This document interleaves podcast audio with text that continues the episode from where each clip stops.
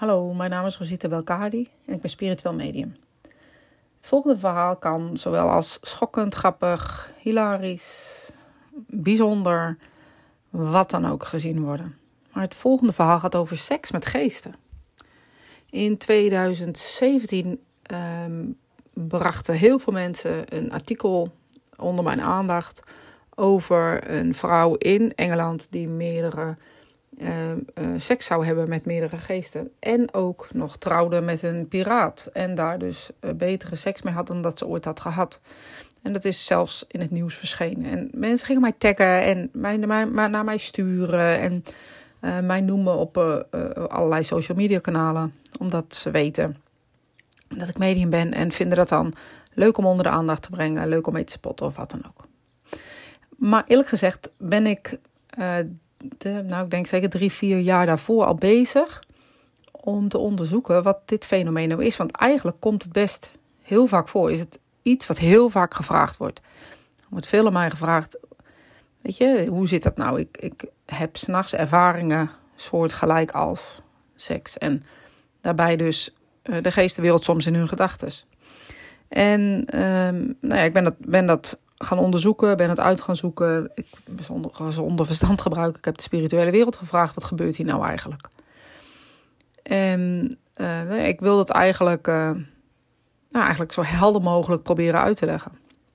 Want je hoort het eigenlijk veel. En wat je kan doen is, uh, hè, je hoort de mensen die dan zeggen: je moet het met salie schoonmaken, je moet ze naar het licht sturen, je moet een priester bellen om ze uit te drijven, weet ik veel wat. Um, maar is dit wat het geval is? Of interpreteren we gewoon de hele boel verkeerd? En in die verhalen die ik verzamelde was eigenlijk heel, heel veel duidelijk. Het gebeurde in een slaap. En mannen zagen het als uh, een, een bijzondere uh, seksuele ervaring. En vrouwen zagen het al snel als een, als een verkrachting. Dus als een intimidatie die niet op zijn plek was. En de, de, uh, eigenlijk allemaal vertelden ze van het lijkt wel in een droom. Maar als ik wakker word is het er nog. Weet je, dus dat uh, is dat wat op dat moment um, eigenlijk een soort unaniem allemaal uit de verhalen kwam. Bij de ene wat meer genuanceerd dan bij de ander. Ik hoorde het ook dat het gebeurde bij jongere mensen. En dan vonden de ouderen het ongepast en dus intimiderend en verkrachting.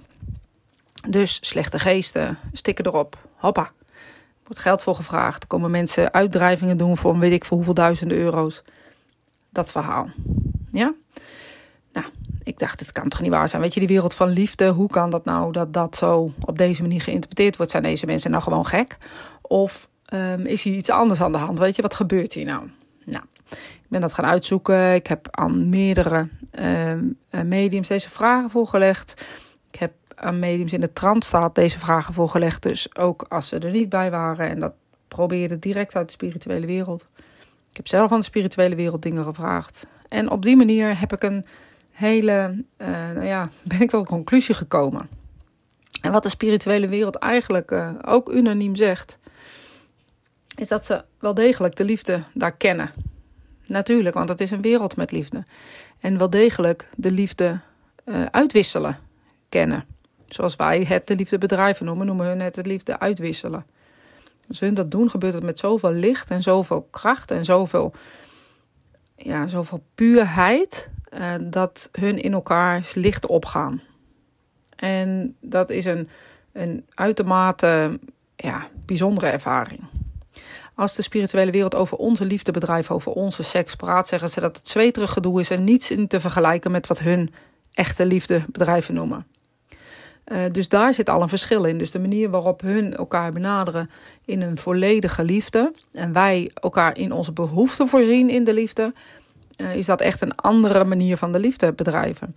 En op het moment dat wij ons dus verbinden met die spirituele wereld, kunnen we die liefde al een beetje voelen. En dan heb ik het nog niet over seksuele liefde, maar gewoon letterlijk de liefde voelen. En ons lichaam kent seksuele prikkels. Dat vanaf jongs af aan, vanaf kind af aan, op het moment dat we geboren worden, is onze, ons lichaam ook um, geprogrammeerd op die prikkels. Want hoe kunnen we anders ons voortplanten, et cetera? Dat is iets, dat is een instinct die er al vanaf um, heel jong af aan in zit. Dus dit is iets wat we kennen eigenlijk al vanaf het moment dat we onze ogen open doen of die eerste adem hebben, zeg maar. Dus die herinnering is er. Die, die nou, herinnering is het niet, het instinct is er. Dus dat, dat is al geprogrammeerd, hoeven we niets voor te doen. En dat is dus het aardse stuk. Dus het lichaam kent seksuele prikkels. Punt. Het, de mind, de ziel, spirit kent liefde. Punt. Op het moment dat die twee samenkomen en wij als mens de liefde bedrijven, is dat voor ons het hoogst haalbare in de liefde. Laat ik het maar even zo noemen, in de pure liefde. In de spirituele wereld daarentegen kunnen ze nog een dimensie hoger, misschien nog wel twintig dimensies erop, op die liefde. En kennen niet die seksuele prikkel zoals wij hem hier beleven, of niet meer. Die hebben dus een ultiemere vorm van de liefde bedrijven. Dat gezegde te hebben, maak ik even een klein zijstapje. Um, als we slapen, zijn we een gedeelte van onze slaap in een uh, soort plek in de spirituele wereld, aan de kust zeg maar van hun wereld. Daar zien wij onze geliefden, daar ontmoeten wij uh, mensen die we verloren zijn, waar, die we gewoon um, ja, zo missen, maar ook onze gidsen, onze helpers, et cetera. Die ontmoeten we daar ook. In die pure liefde. We zijn dus aan het slapen, onze eh, remslaap uh, is daar en wij zijn dus in de spirituele wereld. En voelen dus die ultieme vorm van liefde. En eigenlijk heb ik hier al gelijk het antwoord gegeven. Want op het moment dat wij dus in onze slaap zijn en deze ultieme vorm van liefde ervaren, verwarren wij dat dus in dit leven, in dit lijf, met seks. Dus ons lichaam reageert met een prikkel. Wij kennen die liefde enkel maar met seksuele gevoelens gecombineerd. Dus op het moment dat wij die ultieme liefde voelen, voelen we seks. Dus op het moment dat wij de spirituele wereld dichterbij laten komen, ervaren we uh, die liefde als seks. En halen we dus eigenlijk twee dingen door elkaar.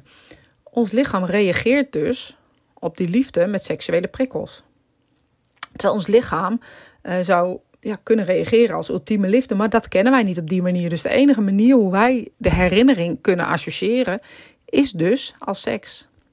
En hier ligt dan ook direct de verwarring en ligt ook gelijk het hele antwoord. Want op het moment dat wij dus die hoge, lichte liefde voelen, denken wij dat we seks hebben. Maar het is een ultieme vorm van liefde die wij dus niet hier kennen. Wij kennen dus alleen maar dat zweterige stuk. Dus het is puur licht, puur liefde. En dat wij het verwarren met liefde bedrijven, dat is oké, dat is prima. Maar dat is eigenlijk niet wat er gebeurt. We hebben een, dus een uitwisseling van de lichtste en pure liefde die er is. En dat verstrengelt als het ware in elkaar. En we zijn daar in die spirituele wereld met die liefde verstrengeld die wij hier niet kennen. En op het moment dat we een beetje wakker beginnen te worden, reageert ons lichaam dus met onze instincten op die liefde. Dus lijkt het alsof we seks hebben met geesten. En dit is wat er aan de hand is. Dit is echt alleen maar wat er aan de hand is. Of moet ik zeggen, hoe bijzonder is het dat wij dus die liefde dus ook kunnen ervaren in onze slaap. En jammer dat we er dan gelijk iets negatiefs van maken en dat er dan uitdrijvers moeten komen. De liefde, die dus de uitwisseling is, heeft niets met seks te maken, maar wij kennen het niet anders. Dus voor ons eh, is dat, uh, ja, ik zou bijna willen zeggen, erop geplakt. Dus als je dit soort verhalen hoort, lach dan iets minder en denk dan: oh, wat mooi. Of leg uit wat er gebeurt. En leg uit um, dat het dus geen overdracht is van seks, maar een overdracht van liefde. En dat wij er dus seks van maken omdat we niet anders kunnen. De enige herinnering die wij hebben naar deze ultieme liefde is seks of een orgasme. Dus mocht je ooit deze ervaring hebben, weet dus dat je lichaam reageert op iets wat boven je pet gaat. Nou, ik zou zeggen, wat rusten dan maar. Ik wens je een hele fijne dag. En um, nou ja, tot de volgende.